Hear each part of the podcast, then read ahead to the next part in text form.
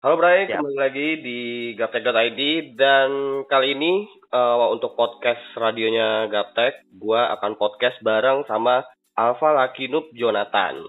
Karena Halo, halo. Hai guys. untuk pembahasan kita kali ini itu pembahasannya mengenai memori karena banyak banget pertanyaan-pertanyaan dari kalian nih yang nanyain mengenai memori RAM tuh dan eh, sesuai dengan tongkrongan-tongkrongan di sekitar gua yang mungkin juga ini tongkrongan gua murid-muridnya Alfa kayaknya itu gue mendapatkan informasi katanya nih Pak eh, Hmm. lu itu udah mendalami memori udah sebegitu lama bahkan gua denger-dengar katanya lu itu bikin seperti semacam eh, analisa lu sendiri sampai itu ada sekitar ya mungkin ada udah bisa dibilang ada kitabnya tersendiri lah itu itu bener gak sih pak? Eh, ya itu jadi gini. Dulu pas Hmm. waktu bicara pengalaman gue ikut lomba overclocking. Dulu tuh kan lomba overclocking itu memori itu punya pengaruh gede banget. Istilahnya di user biasa, memori itu pengaruhnya cuma kelihatan kayak 10-15 persen. 10-15 persen buat user biasa itu normal gitu kan. Dan gue bisa dapat jarak segitu karena setting memori gue biasanya kebetulan lebih optimal dibanding yang lain. Jadi makanya kenapa teman-teman gue pada bilang kalau alpha itu setting memorinya banyak banget dan kebetulan gue suka emang belajar komponen tersebut karena komponen itu adalah satu yang membuat gue lumayan ya istilahnya edik ya jadi membuat gue ngetes lagi ngetes lagi ngetes lagi karena sangat penasaran sekali Tapi bener nggak kalau eh, lu itu memang punya tulisan sendiri yang isinya tuh udah sampai ibaratnya ada beberapa bab lah gitu. Jatuhnya lu punya Um, tersendiri mengenai memori itu. Gini gini gini gini gini. Kalau bicara tulisan yang publish gue punya Iya. beberapa. Cuman uh, secara pribadi gue ada beberapa gue punya data yang nggak gue share. Jadi Ya, ada memory Itu type. maksudnya. jadi ya betul betul. Jadi gue punya data. Misalnya ada IC memori apa dari zaman DDR1 walaupun aktifnya sih baru DDR2 sama DDR3 ya. Jadi dari zaman DDR1 gue punya beberapa setting. Jadi IC apa jalan di motherboard apa settingnya harus kayak gimana di motherboard seperti apa setting memorinya kayak gimana. Gue gue punya catatan internal buat Oh, ibaratnya Hmm. eh, lu punya catatan-catatan untuk mengenali eh, karakter-karakter dari memori yang zaman-zaman batu nih sampai zaman-zaman sekarang gitu ya.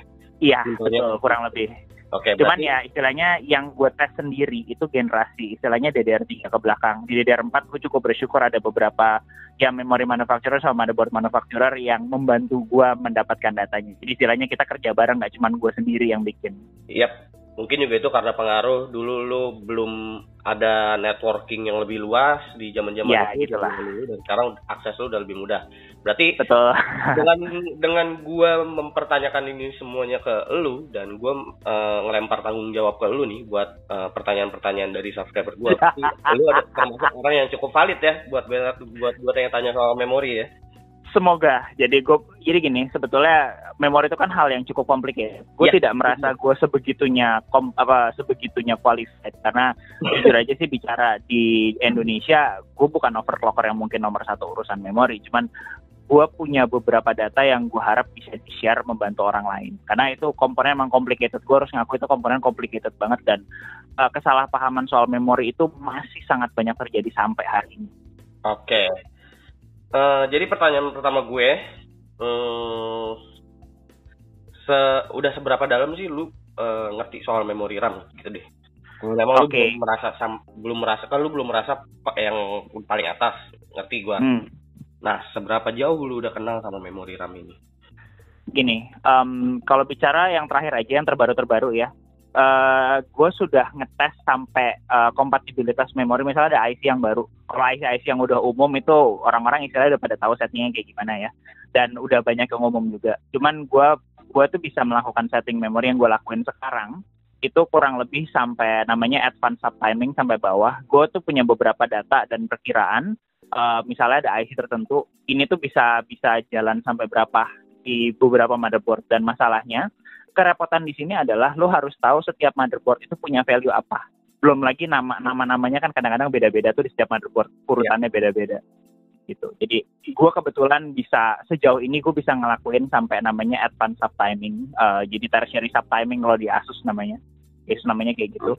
Cuman yang gue masih miss, yang gue masih miss, banyak orang nggak tahu adalah timing memory, terutama timing ya, karena itu variabelnya banyak banget ada puluhan itu sebetulnya nggak semudah yang lu lihat ada di BIOS. nggak semudah yang di BIOS karena ada timing di ada istilah ada setting di situ yang nggak bisa di set sama user dan itu hanya bisa di set sama produsen motherboard. Oke. Itu nah. yang gue punya akses, cuman nggak segampang itu istilahnya nggak membuat gue bisa ganti itu gitu. Gue cuma bisa nebak, oke okay, salahnya bukan di setting gue, tapi ini ada something saat boot up misalnya. Terus uh, ya ada beberapa hal juga. Sorry gue nggak bisa ngomong semua ya karena ada beberapa hal yang gue tidak boleh ungkapkan di sini. Harus ya, nah intinya kan lo udah sempat singgung soal timing memori dan ini hmm, juga sebenarnya uh, termasuk pertanyaan-pertanyaan yang banyak banget ditanyain ke gue yaitu seberapa pentingkah uh, timing memori dan uh, lebih penting mana frekuensi atau timing memori mungkin lu bisa jelaskan lagi. Oke, okay. Kalau pertanyaannya seberapa penting frekuensi, pertama itu pertanyaannya sering banget, sama aku juga dapat ya. pertanyaan itu lumayan sering. Dan uh, mo mohon maaf jawabannya klise, itu udah sangat tergantung platform.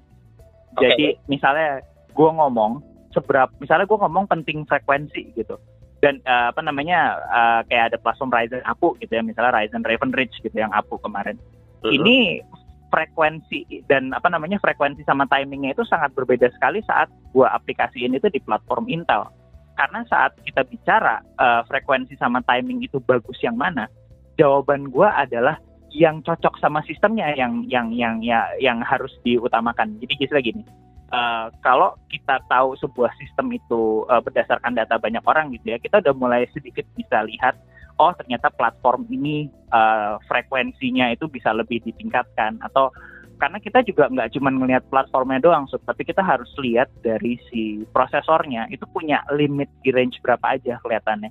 Oke, buat contoh ya, buat contoh paling gampang, Ryzen itu sejauh ini sampai Pinnacle Ridge ya gue bicara, okay. itu punya range di sekitar optimalnya di 3.200 sampai 3.300. Jadi 3.200 sampai 3.333. Ya, akan, Karena akan jarang ya yang apa uh, sorry, akan jarang ya yang hmm. bisa jalan di 3.400 atau 3.466 ya. Gini, misalnya gue bilang bisa, bisanya tuh udah spesifik. Yep. Bisanya di motherboard apa, jalan yep. di memori dengan IC apa, terus memorinya, memorinya jalan dengan konfigurasi seperti apa ini yang agak serem banget karena konfigurasi memori itu sangat sangat spesifik. Gue ngomong nih misalnya, eh dia skill Sniper X gue jalan nih di Ryzen 3400 CL16. Orang-orang mikir, oh berarti Alpha jalan 3400, berarti semua Pinnacle Ridge di semua IC jalan 3400 itu salah banget. Hmm. Itu itu yang membuat itu yang membuat setiap orang itu perlu banyak data dan mereka perlu perlu ya istilahnya perlu nyari tahu bahwa platform ini sukanya di sebelah mana. Nah saat kita udah bicara misalnya kayak tadi kita masuk lagi ke Pinnacle Ridge gitu ya, bahwa kita optimalnya di sekitar 3.200 sampai 3333. Nah begitu ada 3.333 yang memori misalnya terjalan segitu harus CL18 gitu misalnya yang yang longgar banget Terus ada 3333 macam-macam kayak Flare X yang kencang parah gitu bisa CL14 ya, yang kencangnya CL14 lumayan jauh main 10%. Iya. Gitu. Oke, okay. nah uh, hmm. udah sampai masuk ke frekuensi juga dan hmm. timing juga. Ini adalah pertanyaan sebenarnya uh, mungkin cukup awam gitu dan uh, gua rasa lu bisa jelasin secara teknisnya seperti apa. Kan memori RAM ini ada yang namanya fitur XMP sampai sekarang hmm standarnya adalah XMP gitu. Mm -hmm. uh, dan banyak nih uh, user-user yang mungkin memang masih belum mengerti itu mengalami kendala karena XMP-nya uh, eh, tidak berjalan sesuai rating alias kalau dia nyalain XMP-nya ya nggak bisa gitu. Misalkan dia udah beli RAM hmm. uh, katakanlah 3200 tapi dia nggak bisa jalani di 3200. Kebanyakan masalah ini ada di platformnya AMD tentunya. Gitu. Hmm. Nah, lu bisa jelaskan nggak alasannya kenapa? Padahal mereka karena mereka begini, mereka menganggapnya ya itu profile XMP seperti semacam fitur yang kalau gua on ya udah jalan sesuai spek gitu. Oke, okay. gue mengerti pertanyaannya dan uh, hmm. again itu pertanyaan yang cukup sering terjawab. Gue sering yeah. berusaha jawab, cuman ya jujur aja gue cukup terbatas. Hopefully uh, dengan gue jawab ini banyak yang lebih tahu lagi. Nah, jadi gini, XMP yang orang-orang tahu yang apa ya bahasanya bukan salah sih, tapi saat orang bilang beli memori gitu ya, terus mereka dapat memori yang frekuensinya 3200 saat XMP, itu bukan bukan artinya memori itu di setiap platform akan jalan 3200. Ini diingat dulu ya. ya Jadi ya, mereka beli oh apa nih? Ya. Di, kita beli memori apa gitu mereknya 3200. Yang perlu kita lihat dulu masuk ke website memorinya terus cari namanya qualified Vendors List QVL namanya. Qualified Vendors List. Lihat biasanya juga kalau di, di bios-bios awal terkadang ada ya di buku manual motherboard ya? Yes betul. Kalau yes. memang revisi yeah, yeah, berapa betul betul betul betul. di betul betul betul. ya nah. motherboard juga ada. Nah itu biasanya kalau uh, jadi yang namanya testing compatibility itu dilakukan dari sisi motherboard dan dari sisi memori dan obviously motherboard dan vendor memori ini kerja kerja sama bareng gitu ya. Nah, yeah.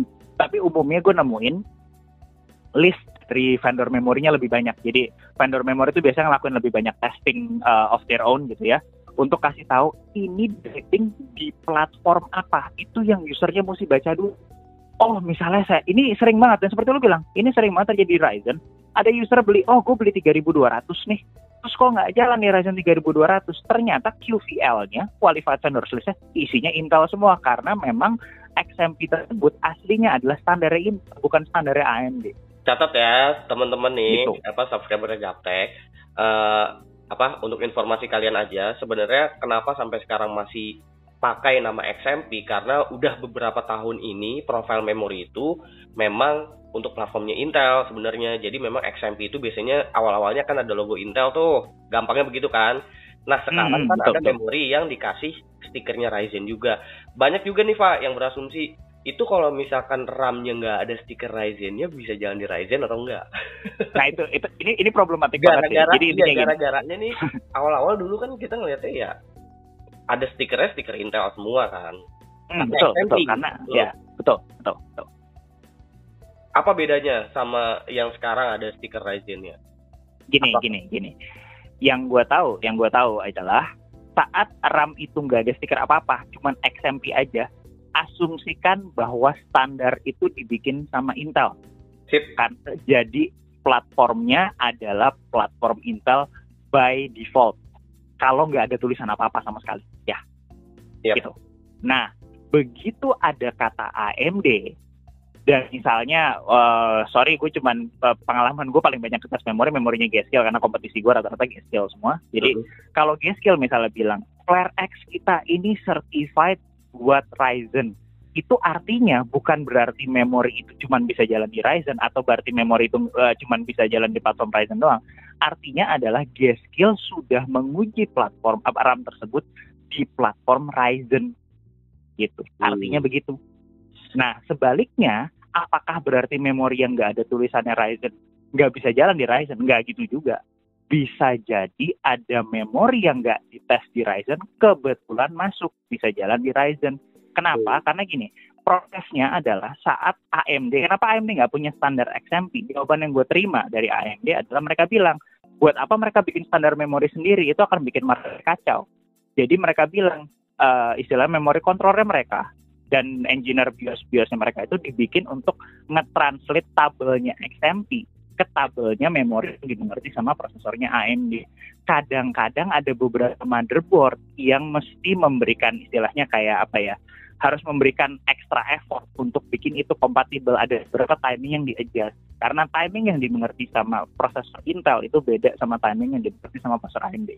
Oke, jadi gampangnya begini karena standarnya udah bertahun-tahun menggunakan XMP itu dari zaman Intel zaman kapan lah gitu ya mm-hmm. AMD ini mencoba uh, ibaratnya membaca XMP itu gampangnya seperti itu mm. karena dia nggak mau XMP bikin sendiri uh, karena dia nggak mau bikin sendiri ya udah kita coba baca aja profil XMP ini yang punya Intel mm.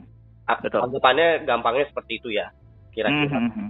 nah um, ini juga kayaknya gue udah sempat baca-baca juga sih di grup Facebook gitu sempat ber uh, lu ada diskusi juga di grup mm. PC Builder atau di di grupnya KAI gitu mm. soal uh, memori dual channel yang beda kapasitas misalkan mm. 4 plus 8 giga atau 8 plus 16 giga gitu ibaratnya mm. orang yang uh, selalu ibaratnya karakter-karakter orang yang gue single channel dulu deh nanti upgrade gitu mm apa okay. efek yang lu rasakan karena gue lihat juga lu udah sempat bikin pengujiannya dan mungkin nih nanti di podcast ini gue akan screenshot uh, apa artikelnya. Oke oke.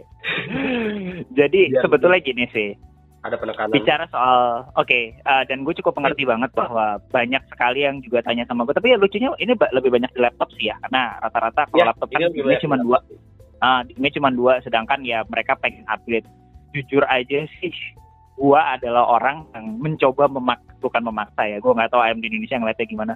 Gua waktu itu cukup menyarankan bahwa terutama pas waktu Ryzen masuk Ryzen Note notebook gua mencoba sedikit mungkin bahasa gua agak sedikit memaksa AMD Indonesia untuk bilang sama mereka tolong sarankan sama semua vendor-vendor laptop ini tolong paksa dual channel.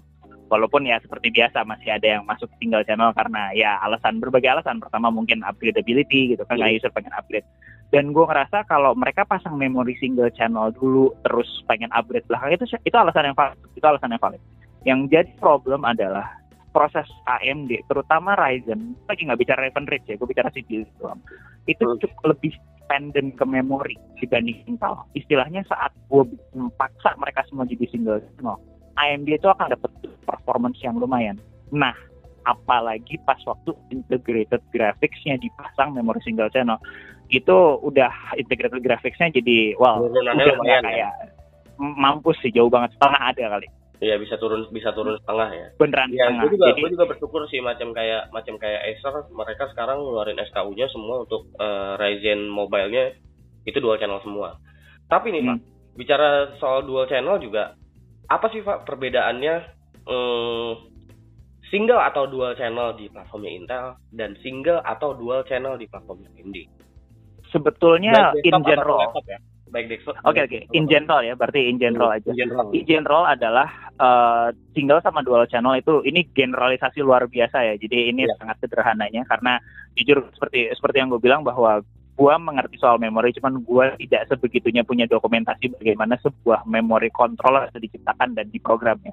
Ya. Anyway, tinggal sama dual channel sederhananya adalah yang memori uh, memori memori dual channel. Berarti memori controllernya punya ya another satu satu bus lagi untuk ya kerja istilahnya kerja bareng supaya ya bandwidthnya lebih gede karena akan susah. Kenapa sistem ini diciptakan? Karena akan susah sekali untuk menciptakan memori dengan performa yang segitu tingginya saat cuma punya satu jalur doang dan itu itu bikin mereka punya keterbatasan. Susah sekali bikin memori yang frekuensinya segitu tingginya plus timingnya segitu ketatnya dibanding kenapa nggak kita istilahnya kita bikin aja dia punya dua bus terus bus interlink misal kerja bareng gitu.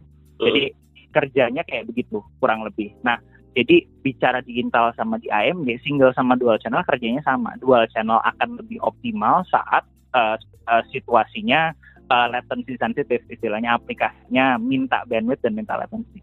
Yang jadi problem di sini adalah kita bisa bicara bahwa kadang-kadang ada aplikasi yang segitu ringannya dia nggak ngelakuin banyak memori akses. Gue sempat ditegur sih karena banyak yang bilang Mas Alfa Mas Alfa bilang kan dual channelnya tuh penting banget. Ada ya, pasti nggak ngurus sama dual gitu. channel? Dan, uh, ini juga pernah juga gue ngalamin. Uh, eh, gue pakai single channel kayak nggak ada bedanya tuh bang gitu hmm, iya benar. Karena memang orang ada aplikasi nih iya. Betul betul. Gini karena ada beberapa aplikasi yang kebetulan kebetulan dia nggak segitu memori intensif dan semua memori akses yang dilakukan sama si uh, aplikasi tersebut kebetulan mungkin buat di cache-nya sih atau gimana? Jadi karena nggak segitu karena nggak apa namanya dan mungkin karena ya cache-nya si Intel itu bandwidth tinggi banget gitu kan. Ya. dan latensinya rendah lebih rendah mungkin. Mungkin ya gue juga ini apa namanya benar generalisasi yang gue omongin. Membuat dia lebih apa satu dia jalan single channel efeknya nggak segitu performance dropper tuh nggak segitu parahnya dibanding dibanding AMD kalau gue boleh bicara sedikit teknikal, walaupun gue sebenarnya sedang mencoba merumuskan pengujian itu belum sempat masih dites. AMD itu sejak Ryzen dia lebih memori sensitif karena AMD itu kan punya uh, terutama Ryzen 7 tuh dia punya apa namanya apalagi yang core udah banyak banget kayak Ryzen 7 dia punya CCX lo probably udah baca dokumentasinya AMD bahwa AMD itu punya uh, kompleks. Nah core kompleksnya uh, desain dengan dua core kompleks ini. Jadi empat core apa empat core tambah empat core. Kan AMD itu biasanya bukan delapan core satu monolitik yeah. gitu kan. Tapi dia empat core tambah empat core. Nah desain yang kayak begini membuat beberapa aplikasi nggak semua sekali nggak semua beberapa aplikasi itu uh, dan apa di arsitekturnya AMD itu lebih memori sensitif. Jadi pas AMD turun ke single channel dia uh, dropnya sedikit lebih noticeable daripada saat Intel turun ke single channel Oke, ini juga ini juga ada pengaruhnya ketika waktu Pinnacle Ridge uh, rilis kemarin yang sempat gue agak kaget-kaget ke lu ngasih ngeliat ngasih gue ka, sempat kasih lihat lu juga kan waktu itu benchmarknya game mm -hmm. X kalau nggak salah. Mm. Yang gue sempat agak kaget Lova ini gue pas jalan 3400 ini Dus X kok beda FPS-nya bisa sampai segini. Even rate hmm. FPS-nya pun naik gitu.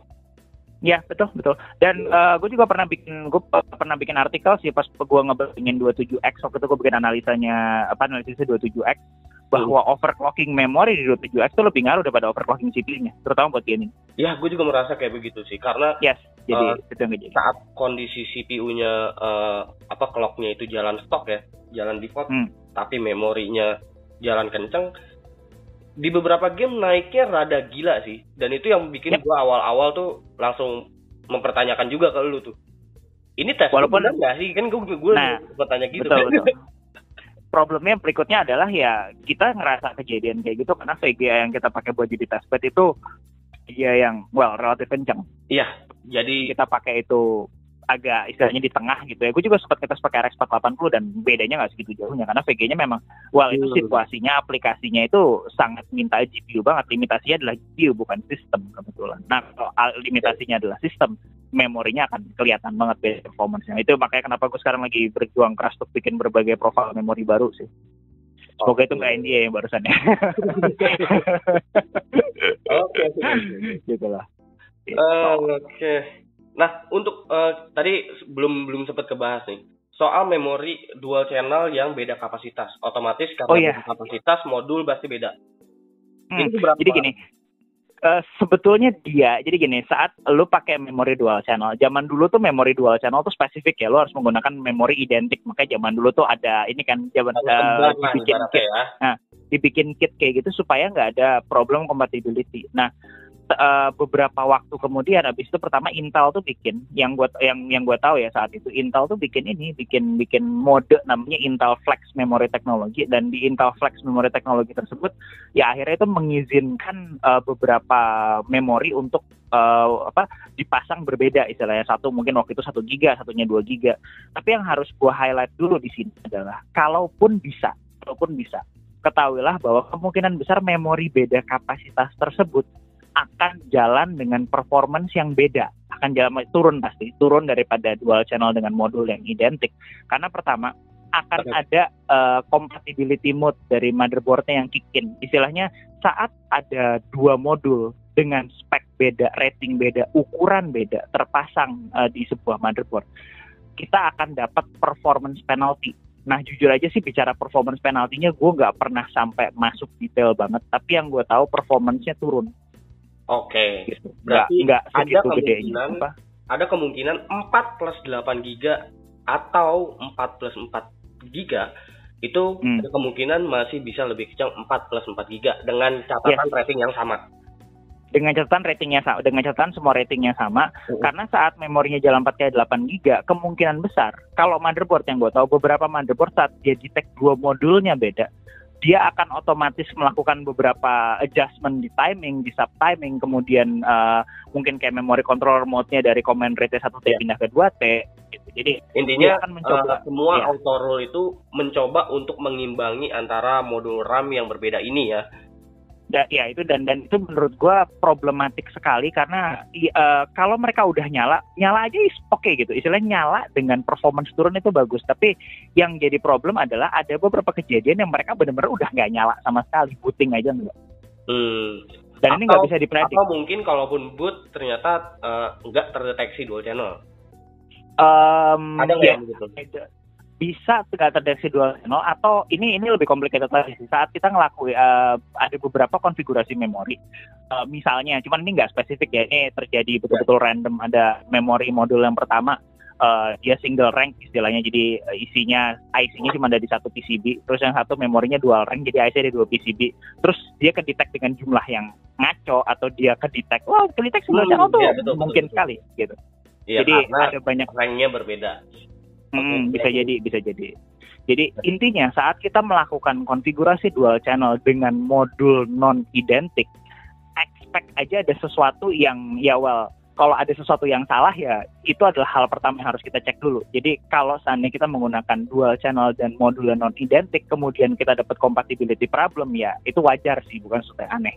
Oke, berarti gampangannya untuk awam nih mungkin oke lah lu misalkan bisa pakai 4 plus 8 giga untuk sistem Hmm, CPU gitu. hmm. Tapi ketika Hmm, hmm. lu merasakan performance-nya tiba-tiba lu main game, anggaplah tiba-tiba, oh, loh kok gue udah udah dual channel tiba-tiba kayak ngerasa ada stutter. Mungkin Nah, itu kalau ada misalnya salah ya, ya kan? jadi itu hal pertama yang harus mereka kalau mereka pakai memori yang yang identik. Hmm, terus mereka punya performance problem, hal pertama yang harus mereka cek adalah konfigurasi memori. Oke. Nah, ini berarti saran buat eh, kalian-kalian ya, eh, sebaiknya kalian itu kalau memang mau menggunakan konfigurasi dual channel, langsung menggunakan yang kit aja gitu. Hmm. hmm, menggunakan sebaiknya, beda modul, sebaiknya. eh, menggunakan yang beda modul, apalagi sampai beda merek dan tipe, itu sebenarnya masih bisa jalan dual channel di zaman sekarang. Tapi seperti yang Alfa bilang, akan ada performance penalti, di mana itu akan terasa-terasa nantilah kalian akan ngerasain sendiri lah setelah menggunakannya gitu. Karena gue juga Hmm. sempet sih, gue juga sempet eh, nyoba-nyoba kayak gitu, cuman gue nggak ngetes di Geekbench atau apa. Memang gue ngerasain eh, di game jadi ada stuttering gitu kan.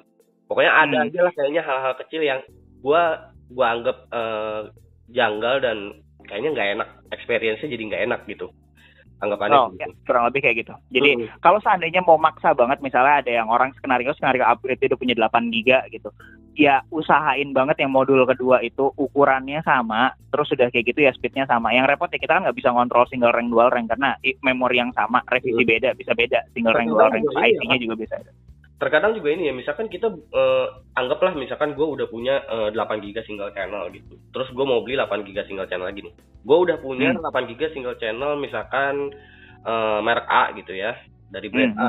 gue mau lagi, beli lagi dari brand A juga gitu yang sama memorinya. Single channel juga 8 giga juga. Itu Hmm. terkadang setiap brand kadang IC-nya juga kadang suka berubah-berubah ya pak karena brand itu nggak jualan IC yang harus lo ingat adalah Hmm. brand itu jualan memori nggak jualan IC iya gua nggak bisa bilang detailnya gimana Iya, karena iya. ada beberapa yang ada garansi beberapa harus berat ya IC-nya apa gitu ya Betul, betul. Jadi saat lu beli RAM, kecuali si vendornya sangat spesifik yang gue tahu Galaxy. Galaxy itu punya memori yang istilahnya kaisar banget lah namanya Hall of Fame Hall of Lab series. Nah, yang OC Lab series dan harganya emang udah ajaib sih gue beli RAM itu beberapa kali gitu kan.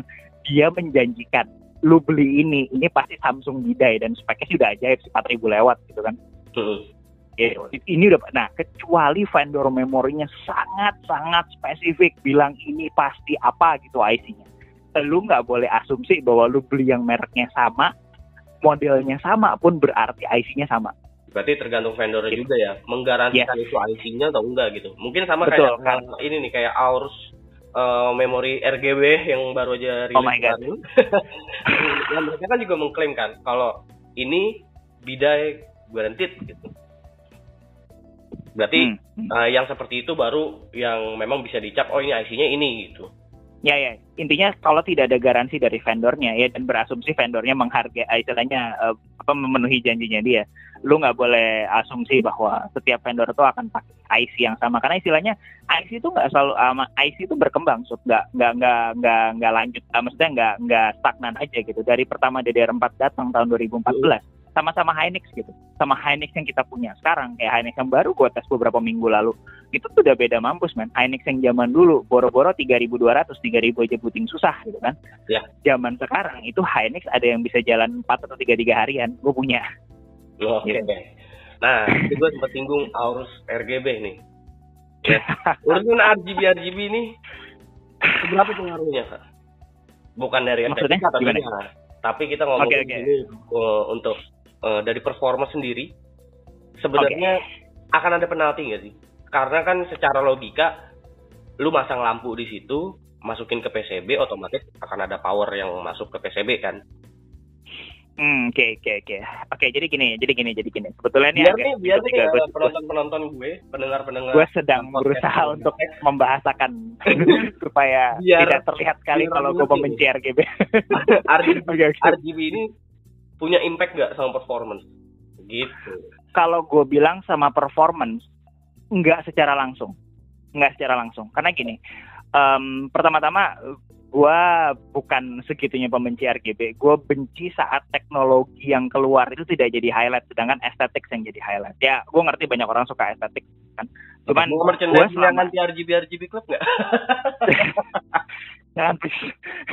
tapi tapi gini tapi gini um, saat kita bicara RGB dan LED atau istilahnya lampu di memori itu belum istilahnya yang kita lihat sekarang Sub, itu udah versi fine tune-nya itu udah versi indahnya istilahnya. Hmm. Kita bukan di zaman zamannya mungkin gue kalau boleh nyebut merek zaman Avexir dulu.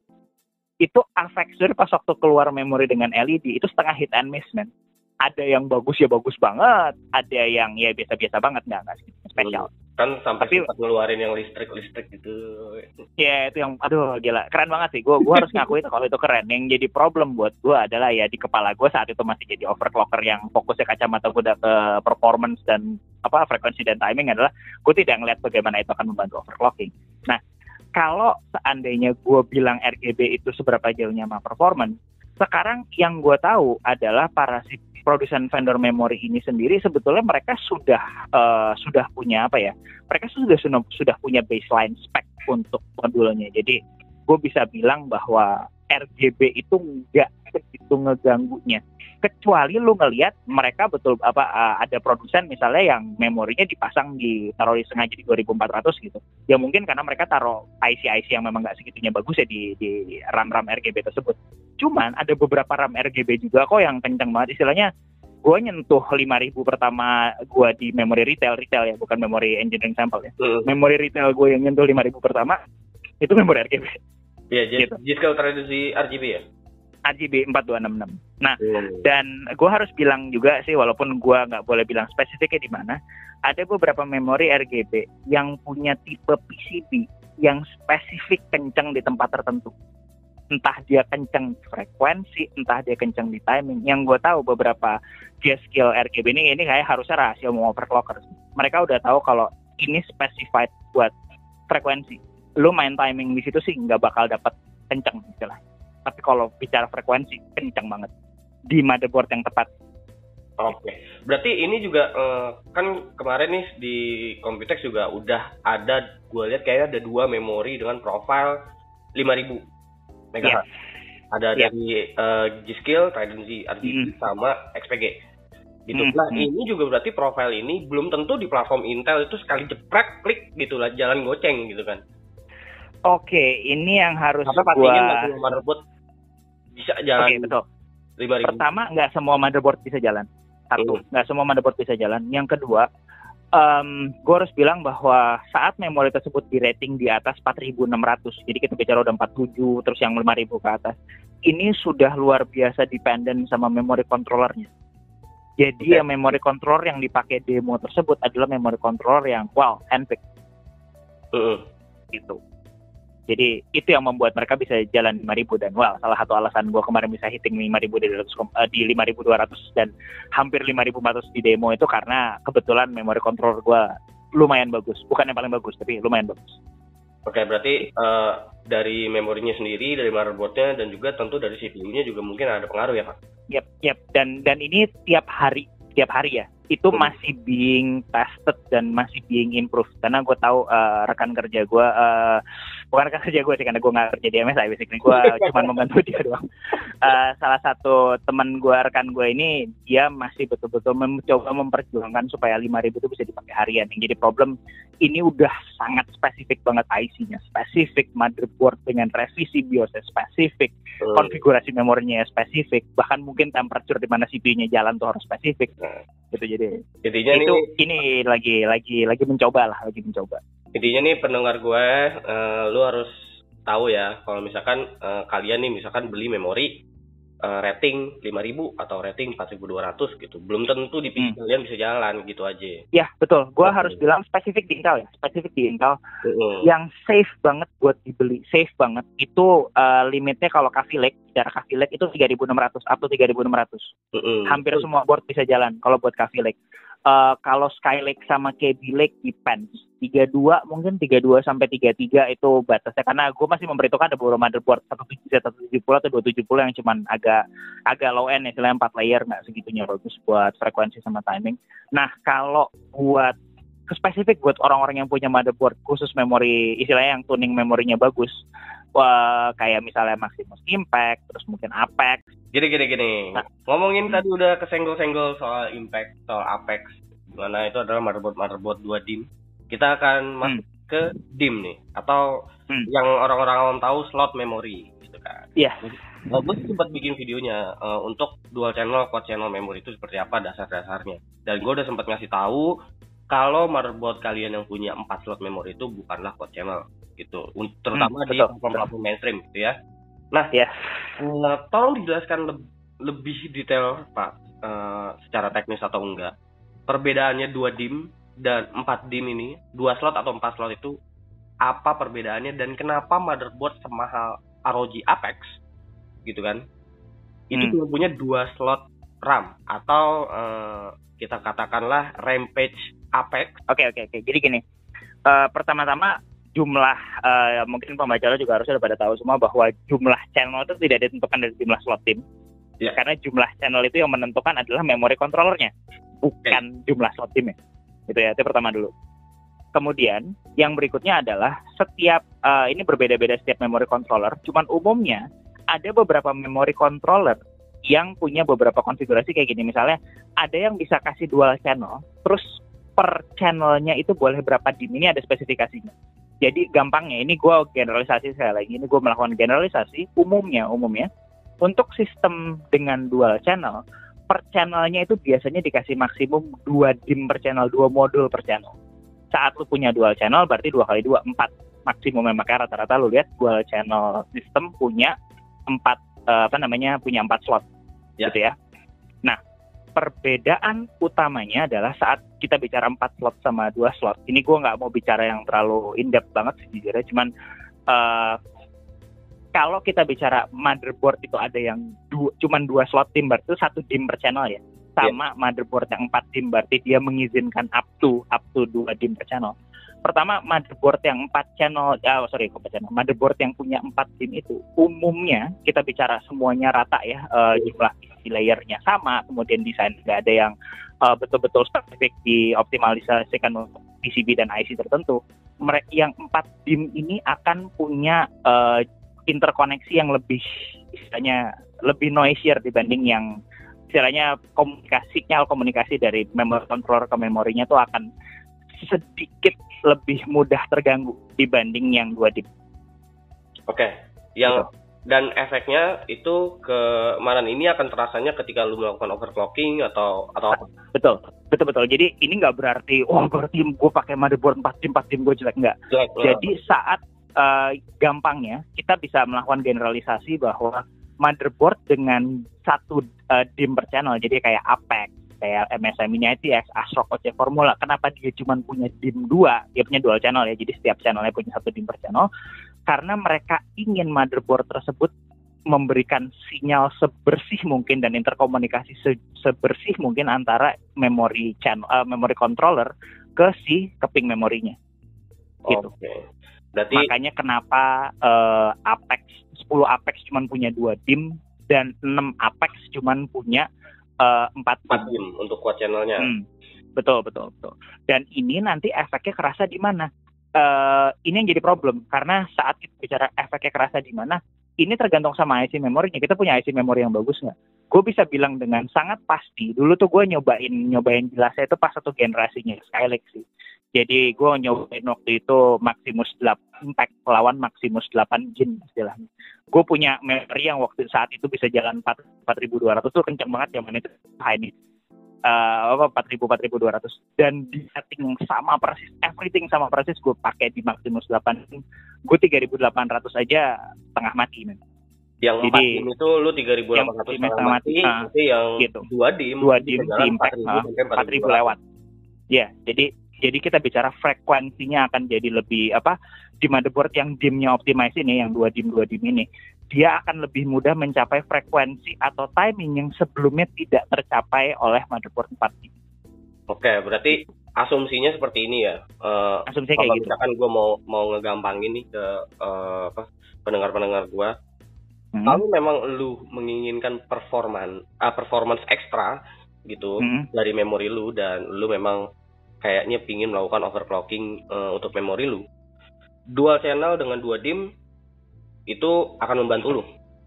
Ya, Tapi kalau betul. lu butuh kapasitas 4 Hmm. dim dual channel sebenarnya nggak terlalu bermasalah karena yang dibutuhin nggak terlalu bermasalah betul uh, siapa tahu kan lu mau, mau buka Google Chrome sampai 2000 tab gitu kan jadi lu iya betul atau cuma ngapain lah gitu biar biar kepake foto memori ya gitu kan iya tapi kan? ya intinya ya dan lu harus berasumsi juga bahwa uh, istilahnya overclocking yang terbantukan oleh dua DIM ini terjadi saat IC memorinya nggak jadi limitasi gitu. Saat ya, lu pakai IC jadi, memori yang kebetulan nggak bisa overclock ya nggak berarti dua D akan ngebantu lu jadi jadi jadi berapa gitu nggak bisa. Ya, berarti RAM-nya juga memang harus mumpuni untuk mencapai uh, betul performance yang kencang itu ya. Betul betul gitu. Oke. Okay. Um, lalu um, kita akan bahas-bahas apa lagi ya? Untuk um, untuk motherboard juga sebenarnya agak agak complicated juga sih. Well yes yes uh, motherboard dan jujur aja sih uh, sampai hari ini sih yang namanya soal memori terus kemudian komputer motherboard yang jadi problem adalah karena well itu bicara PC komponennya ada banyak variasinya tuh luar biasa banyak banget jadi tuningnya nggak exactly ya, gampang jadi dan memang uh, kita juga nggak bisa benar-benar seutuhnya mengeneralisasikan semuanya ini gitu karena chipset hmm. banyak Terus ya, uh, ya. ada platform AMD dan juga Intel yang memang punya karakteristik yang berbeda ya. Hmm. Kayak gue bilang, uh, gue sebetulnya sempat agak sedih karena pas waktu gue nggak tahu ini salahnya, bukan salahnya siapa sih istilahnya siapa yang kasih salah komunikasi duluan pas waktu Asus pertama bikin Apex uh-uh. yang kata bilang gila motherboard Sultan kayak gitu. Kenapa kasih cuma dua dim gue bilang. Terus dalam hati gue mikir lu nggak uh, istilahnya kenapa lu nggak ngomel sama sama Ferrari yang cuma kasih dua dua apa dua kursi gitu. Kenapa lu harus ngomel sama Asus cuma kasih dua dim dan gue baru sadar juga bahwa nggak semuanya ngerti kayak gitu. Itu mobil itu, itu itu mobil balap men. Itu mobil balap. Lu nggak pengen mobil balap itu lu nggak komplain sama mobil balap karena dia nggak punya ruang bagasi buat naro barang-barang lu yang segitu banyak gitu kan ya ibaratnya itu ya ibaratnya kayak lu ngebandingin Avanza yang punya seven seat sama Bugatti Veyron yang cuma dua iya seat. iya itu. Iya exact uh, mirip kayak gitu kurang lebih. Jadi itu yang membuat gua ngerasa bahwa oke okay, berarti gua harus berusaha lebih keras lagi buat tunjukin sama orang kenapa ini pakai dua gitu. Nah ya, ini jadi buat pendengar-pendengar gue uh, kan jadi ini buat kalian yang belum tahu, ada motherboard yang memang harganya itu tinggi sekali gitu ya. Kayak uh, ada namanya ROG Maximus 9 Apex atau 10 Apex, ada Rampage 6 Apex juga. Itu untuk yang LGS 1251, untuk yang seri Apex itu dia cuma punya dua slot memori aja, dua slot memori DDR4 dan itu harganya uh, rada gila memang gitu. Dan hmm. orang bisa beli.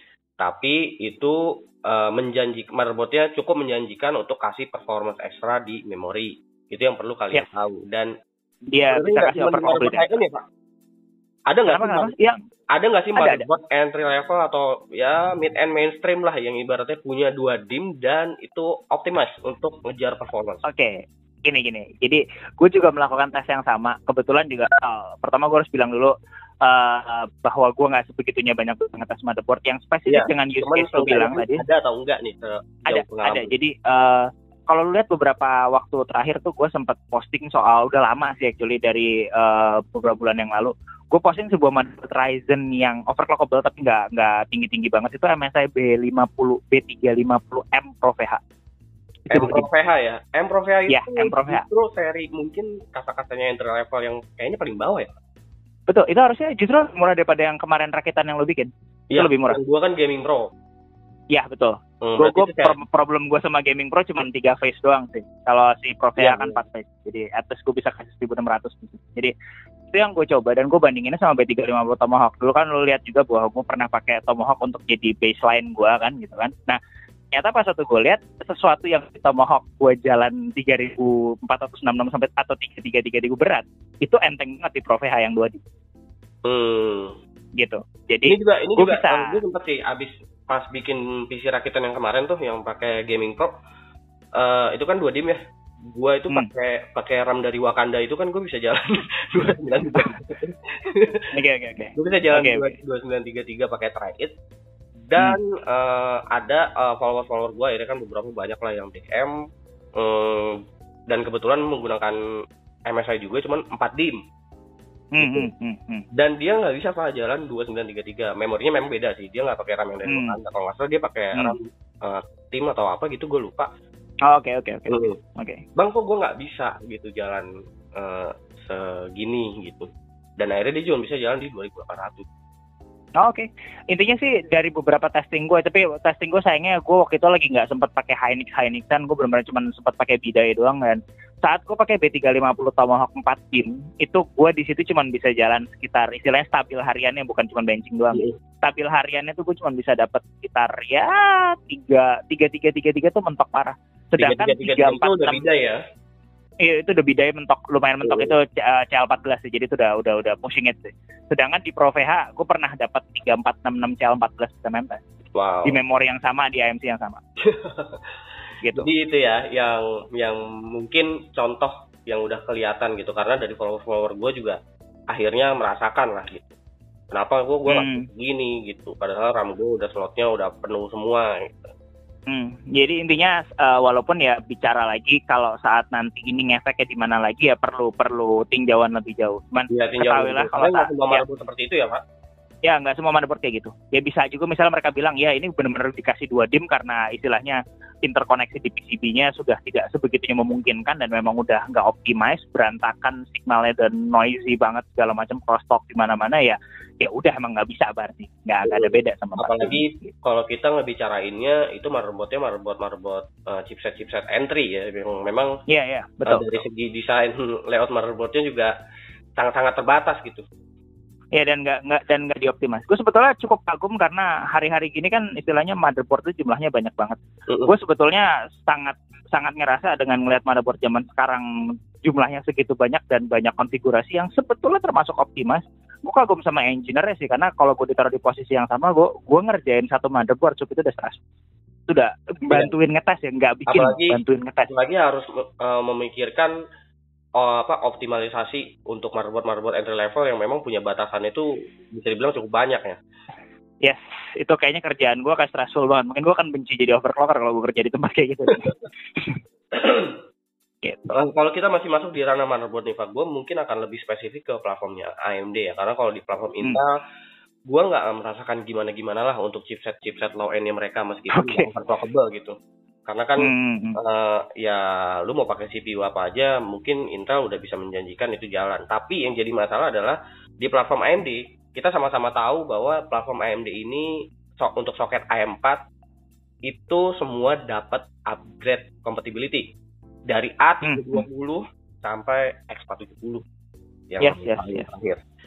Hmm, hmm.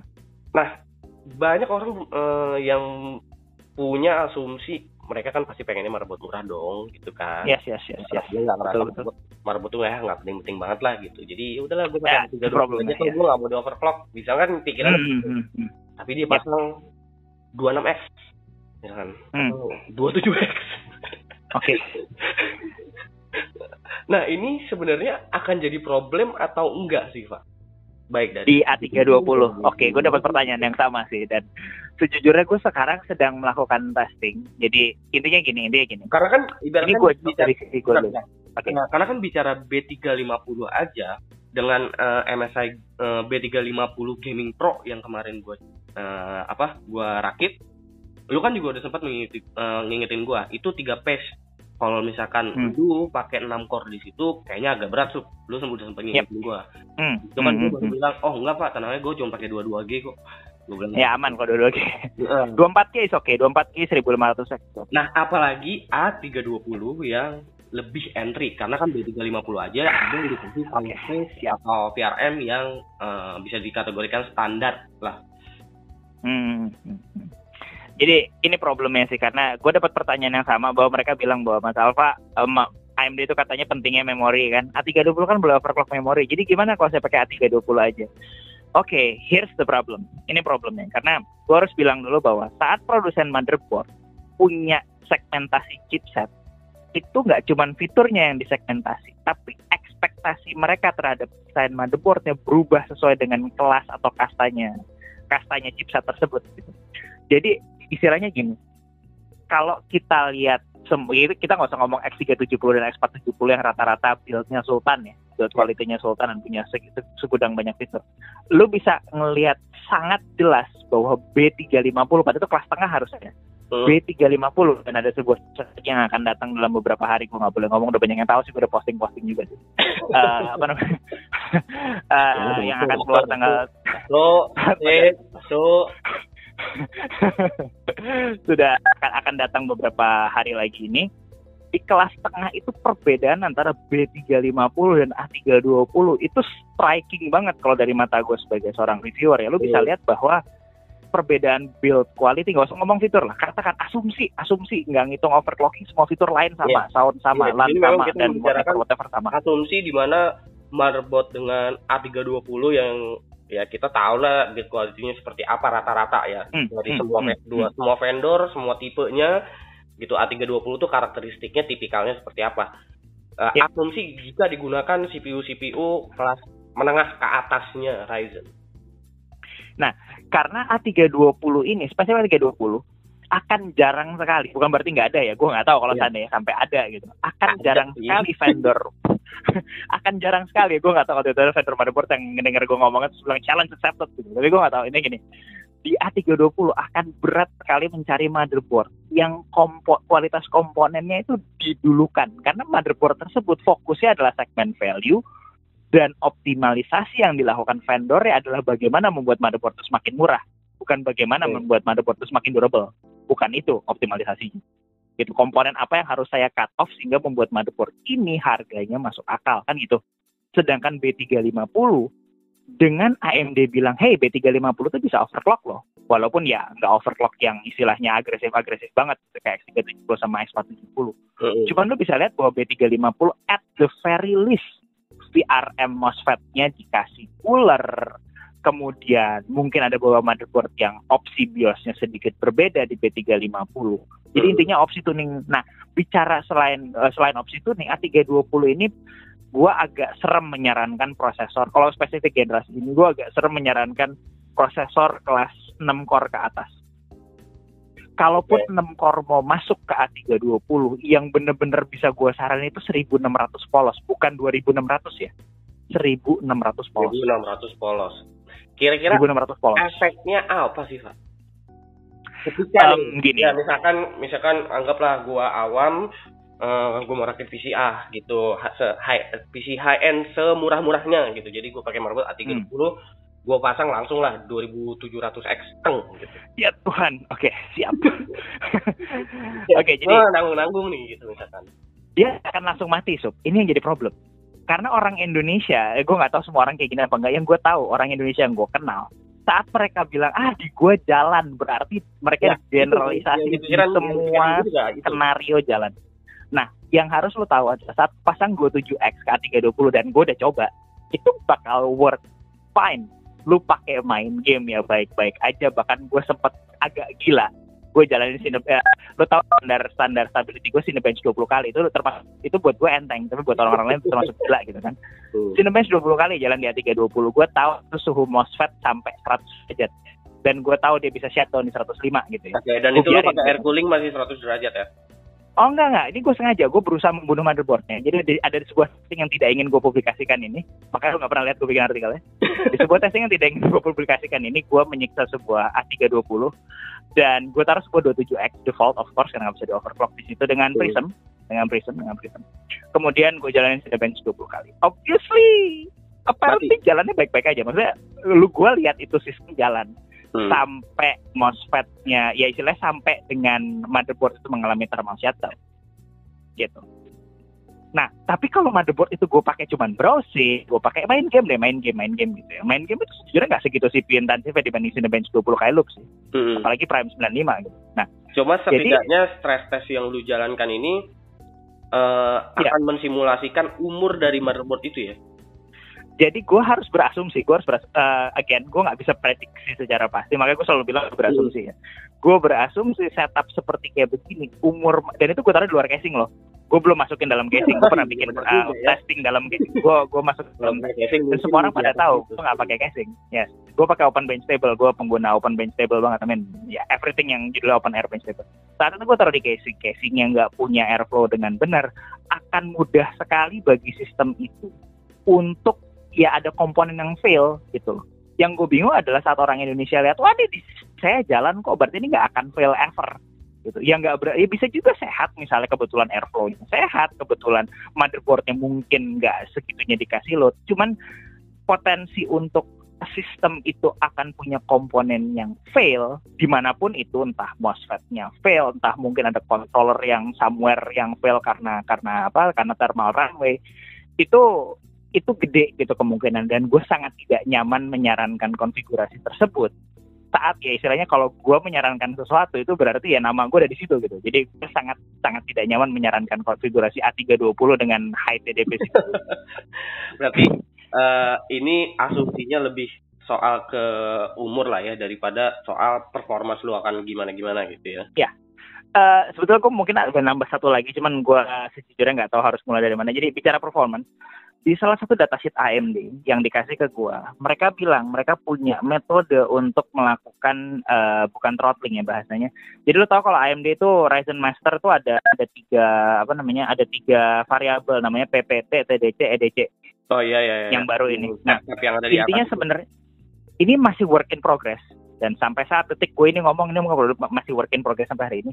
Jadi AMD itu mencoba merating motherboard, membuat motherboard motherboard ini punya rating untuk istilahnya ngebatasin CPU-nya. Logikanya adalah dengan adanya value ini AMD bisa bilang sama vendor motherboard dan vendor motherboard bisa ngomong sama AMD, eh motherboard gue cuman uh, pakai MOSFET apa MOSFET yang pas-pasan, cuman pakai hmm. tiga phase, nggak dikasih cooler pula.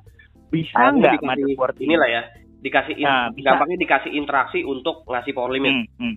Nah, untuk ngasih ya nggak semudah itu bukan bukan kayak power limit kayak di Intel. Intel itu kan udah robust banget. Intinya hmm. bisa nggak ini prosesor disesuaikan supaya kalaupun dia tetap boost, boostnya itu pendek, nggak nggak continuous hmm. boostnya. Itu yang gue baca dari datasheetnya AMD yang jadi problem sampai hari ini gue tidak pernah lihat itu diimplementasikan. Gue melihat bahwa semua vendor motherboard dengan sangat apa ya dengan sangat bangganya bilang ah 320 kita jalan 2700x full performance. Dan ya mereka mungkin tidak pengen take customer komplain gitu kan dan rata-rata orang-orang banyak kok lihat banyak kok banyak banyak yang bikin konten kok di luar sana A320 tuh jalan 27x baik-baik aja dan gue bilang ya baik-baik aja gue pernah bikin kan B350 X370 sama X470 yang gue tunjukin adalah performanya sama cuman lu lihat tuh siaran B350 gue sampai 90 derajat men Iya. Ya. gue juga sempet nih pakai uh, waktu itu kan gue pernah megang uh, eh, AB350N gaming wifi itu motherboard sebenarnya hmm. juga sih. Cuman kan yeah. uh, itu cukup telanjang lah ya TRM-nya. Gue hmm. itu sempet pakai hmm. water cooling. Ah, itu itu itu ngeri sih. nah, itu Jadi setelah gue coba jalanin Cinebench, lo kok suhu VRM-nya rada serem ya?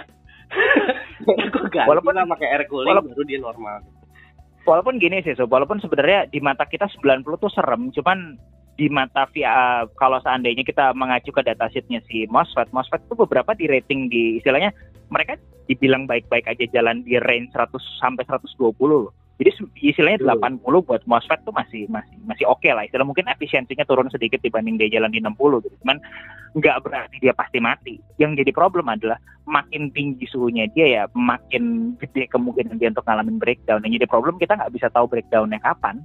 Iya. Gitu. Dan itu yang membuat gue agak problematik sih, karena gue nggak bener-bener bisa predik motherboard itu durability-nya kayak gimana. Yang bisa gue lakukan adalah memberikan stress test, memberikan evaluasi berdasarkan stress test tersebut. Gue nggak mungkin ngetes motherboard sampai enam bulan dan gue ngetes itu 20 model, nggak mungkin, kan nggak ada kehidupan. Iya, gue iya. ini juga nggak ada hidup. Cuma setidaknya uh, suhu tinggi atau rendahnya ini bisa mem, apa membuat kita memprediksi kesehatan motherboard itu seperti apa gitu. Kurang lebih kayak begitu. Jadi makanya balik lagi kan kalau bicara tadi. Uh, bicara umur mah berarti umur mah tetap aja nggak ada yang tahu gitu. Iya iya iya. Yang yang gue bisa lakukan cuma memberikan prediksi. Ya. Berarti itu sama halnya dengan prosesor pak. Ya. Karena kan juga banyak nih. Banyak nih ya. orang yang masih rada takut melihat suhu udah di atas 80 nih misalkan suhu proses. Hmm. hmm. Tapi hmm. hmm. sebenarnya belum total nih CPU-nya belum hmm. masuk di titik throttle dan mereka hmm. udah rada-rada skeptis nih aduh anjir CPU gue panas banget nih gitu iya iya iya gitu oke okay, berarti uh, menurut lo kalau kayak sekarang kita belok ke platform Intel kalau di platform hmm. Intel kayak gimana sekarang gini misalkan H110 pakai 77K gitu Oke oke oke. Data gue yang gue tahu. Sekali lagi, gue nggak bisa bilang data amannya berapa. Intel punya datasheet bilang kalau hey ini prosesor kita rating aman dan dia throttle 97. Misalnya gini, misalnya dia punya data dia throttle di 97 itu kebanyakan uh, terutama mobile ya karena rata-rata mobile yang nyentuh sampai 9 uh, sampai 97 kayak Dell gue yang pakai 2 apa 75U tuh pendinginnya sih ampas mampus sih. Itu gue harus pakai XTU, gue down apa, gue pakai power uh, power limit sampai tiga setengah watt segala macam. Atas nama suhunya 70 gitu kan. Kalau nggak dia akan 97 terus terusan. Nah dari situ kita sebagai pengguna cuman bisa berasumsi bahwa oh Intel nggak suka suhu apa dia kasih rating sampai dengan apa misalnya dia total di 95 berarti Intel dan manufacturer device tersebut tidak pengen dia dioperasikan di atas 95 karena misalnya di atas 95 dia turun speednya gitu kan Iya. Yeah. gitu itu doang yang bisa kita apa namanya itu doang yang bisa kita asumsikan dari sana. Kalau data ya, tes gua itu kan itu kan uh, laptop ya. Kalau misalkan bicara hmm, laptop, hmm. gua sempat uh, nemuin beberapa 8750H itu dari hmm. laptop-laptop yang udah gua coba. Indah itu. Hmm. Ada yang uh, ini suhunya adem. Suhunya hmm. adem. Paling cuma 70, tapi skornya hmm. lab. Hmm. Yes, yes, yes. Ada yang nggak yes. nyampe 1000. Nggak ada yang hmm, betul, 1000 CB loh hmm. gitu tapi hmm. suhunya adem nah ketika gue paling terakhir uh, nyobain Hero 2 suhunya 80 lebih gitu hmm. tapi ini dia tembus 1000 hampir 1300 sih 1288 gue coba yes yes yes oke okay, oke okay. itu nah berarti itu dari vendor-vendor laptopnya memang ada ngelakuin uh, melakukan tuning di situ itu haknya si vendor sih istilahnya gini okay. um, gue tahu itu bukan Intel yang ngelakuin ya Bukan, bukan. Ini gini, uh, ini sebetulnya gue nggak tahu problematik atau enggak sih. Buat gue sih setengah problematik karena uh, ini dulu pernah kejadian sama AMD sih, balik, sorry balik ke AMD karena banyak urus punya produknya mereka. AMD itu pernah punya produk yang istilahnya nggak dibedain secara TDP. Jadi produknya itu zamannya inilah zamannya Bristol Ridge uh, apa Carrizo zaman dulu Hmm. Itu AMD bilang ini ada yang uh, TDP-nya 35, cuman ini fleksibel bisa dikonfigurasi ke 15. Nah, semua vendor laptop saat itu nggak tahu gimana ceritanya kayak punya agreement semua jalan di 15 gitu kan. Oh. Dan membuat ya prosesor tersebut nggak jalan sesuai dengan istilahnya dengan ekspektasinya AMD membuat orang, -orang kecewa sama prosesor. Nah, kembali ke apa namanya prosesor Intel yang mobile 6 core tersebut yang gua akan mungkin gua akan mencoba banyak ngetes itu per bulan-bulan ke depan setelah uh, certain motherboard ini kelar. Jadi itu adalah haknya si pembuat device untuk mengkonfigurasi device tersebut sesuai dengan yang menurut mereka tuh aman. Yang jadi problem adalah dengan sekarang itu jadi kita nggak punya standar gue tidak ngerasa bahwa Intel punya standar untuk bilang sama vendor notebook bahwa hey ini harus jalan segini. Gue tidak merasa ada standar kayak begitu. Tapi setiap si vendor-vendor ini diberikan hak. Prosesornya Intel tuh configurable banget dan itu salah satu uh, menurut gue di mobile space ya itu salah satu yang luar biasa sekali karena gue tidak melihat AMD bisa terjadi ini sekarang. At yeah. least dikonfigurasi sama user ya. Karena AMD nggak punya XPU. Jadi uh, Intel doang yang punya apa punya utility kayak XPU bisa nge-configure power limit dan itu adalah uh, kelebihannya dia untuk memberikan prosesor itu lebih fleksibel ke sesuai desain dan coolingnya si notebook tersebut. Walaupun ya. ini akan jadi repot sih karena lo lihat ini dua notebook yang pakai prosesor sama. Gua harus potong. Oh, ya. Kita langsung masuk ke uh, yang terakhir nih untuk desktop. So uh, hmm. itu adalah soal uh, motherboard low end-nya Intel dengan CPU high end-nya Intel. Oke. Okay, sama ya. seperti di AMD tadi. Apakah hmm. sama berbahayanya seperti di platform AMD atau kurang lebih kurang lebih mirip, kurang lebih mirip. Cuma uh, ini dulu kejadian yang kalau gue spesifik bicara prosesor high end Intel ditaruh di motherboard low end, ini kejadian di zamannya Haswell sih. Empat uh, Haswell dan Devil Canyon gue ngeliat ada orang taruh 4790 yang itu berarti Haswell i7 paling atas. Hmm. Terus ditaruh di motherboard H81 jadi lebih gila lagi 4790 itu kan panas banget hmm. orangnya pakai I/O dong supaya dia nggak panas dan prosesornya bisa lumayan sustain di clock turbonya gitu kan lengkaplah sudah itu I/O gitu kan nggak ada apa nggak ada airflow terus MOSFETnya jadi MOSFET panggang gitu gitu. Dan ini berlaku untuk uh, platform LGA 1151 sekarang, mulai dari H110 sampai H310 kalau H310 uh, gue jujur aja sih gue ngeliat H310 zaman sekarang zaman sekarang ya yeah. kayaknya lebih siap kayaknya ya, lebih siap dari zaman H81 dulu atau 8 mm -hmm. gitu iya yes yes yes Jadi itu yang Intel Mereka janjikan. kayaknya lebih siap. Mm-mm. Betul. Dan Jadi- lu harus lihat juga. Mungkin- 87K mungkin saat ini nggak ya. dia- oh, ya. Eh, kalau asumsi gue mungkin Intel dengan adanya 300 series meskipun ya soketnya masih sama, sebenarnya ini yang Intel cegah. Hmm, Ibaratnya hmm, hmm. takut kejadian motherboardnya yang lo yang ini kenapa kenapa. Andai kata ada orang yang pakai eh, CPU terbarunya mereka nih, tambah core nambah kan. Hmm, hmm, hmm. Betul, betul. Oke. Cuman ya, ini gini sih, Intel itu punya power efficiency saat default ya. Gue nggak bicara saat overclocking. Saat saat default, power efisiensinya Intel tuh masih masif banget. Terutama di 6 core 6. Kalau kita bicara generasi ini, gue bisa bilang 6 core 6 thread, bukan 12 thread ya. Yang Hmm. i5. Yang i5 itu power efisiensinya carry. Itu bagus banget untuk untuk per watt-nya ya. Iya, iya. Jadi saat itu ditaruh di motherboard se bukan seampas, ya motherboard serendah H310 juga gue expect dia jalan. Oke, dan itu safe ya. Ya, itu lumayan safe. Ya lebih safe daripada lu taruh sebuah 26X di sebuah 320 dan lu full load dua-duanya sih. Berarti eh, apa ya? Apa yang apa yang Intel eh, lakukan meskipun ya banyak orang yang cibir, eh, soketnya masih tetap begini. Sebenarnya ada yang Intel pikirkan untuk user mereka sendiri. Positifnya kan seperti itu, ya kan? Ya, untungnya begitu. Heeh. Ya, jadi eh, walaupun ya gue nggak tahu sih dalam beberapa bulan ke depan mungkin ini akan ganti, tapi ya gue belum belum tahu juga karena prosesor tersebut eh, keluar speknya sesuai dengan yang gue baca sebelumnya apa enggak. Karena lo mungkin akan tahu dalam beberapa bulan ke depan kita akan keluar prosesor yang slightly different dan sudah mulai banyak rumor soal support motherboard dan lain-lain dan gue tidak boleh jawab karena gue masih menyelesaikan pekerjaan gue. Oke, eh, kita tunggu aja nih ya Gitu. Terbaru Intel dengan chipset. Ya. Oke, eh, ini udah Siap. masuk satu jam durasi. Wah, ya ampun, sorry. banget, eh, Udah kelamaan. apa nih udah sharing-sharing soal Siap, dari thank you, you. sampai motherboard. Nah, semoga nih Sip. dengan ngedengerin ceramah-ceramah khotbah-khotbah kita selama satu jam Wah. Siap. membuat kalian Alright.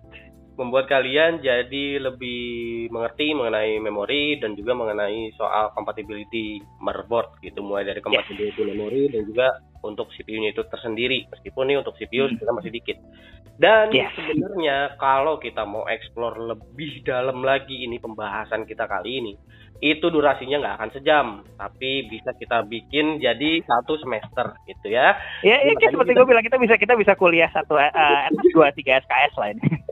Ya untuk SKS-nya sekarang itu untuk uh, angkatan 2018 tuh ya sekitar 400 500 ribu ya jadi Siap. jadi kalau SKS kalian yang nonton satu orang siapin aja satu juta lima ratus ya Betul. Siap. oke jadi itulah secara singkatnya singkatnya aja sejam gitu kan jadi thank you Iya, banget siap. buat udah dengerin sampai sini Uh, jangan lupa juga untuk cek uh, channelnya Jagat Review TV karena Jagat Review TV Yes. sekarang udah mulai cukup aktif Mas Dedi lagi sering-sering upload di sana Ya, Apa jadi juga senior harusnya- senior gue di sana lagi sering banget. Gue lagi banyak juga- jadi. Alpha juga bisa rajin nih di YouTube nih kan. Tapi kalau kalian nggak mau ngeliat Alpha di YouTube, kalian bisa cek di Jagat OC ya di oc.jagatreview.com jagatreview.com ya. Mm, Hmm. atau di jagatreview.com kalau memang mau lihat review-review yang eh, cukup berfaedah itu di Jagat Review tapi kalau lu mau ngeliat yang nggak berfaedah nih yang bikin lu pusing itu ya lu ke oc.jagatreview.com gitu ya ya itu itu itu kuliah sih biasanya. Kayak baca skripsi mungkin. oke segitu dulu dari Siap. gue dan juga Right. ini Alpha jangan lupa like share dan Siap. subscribe jika video ini eh, bukan video tapi audio ini menarik buat kalian follow sosial media gua dan juga Alpha karena Alpha udah punya Instagram jadi di follow Oke. Instagramnya Alpha biar bisa swipe up di Instagram sendiri ya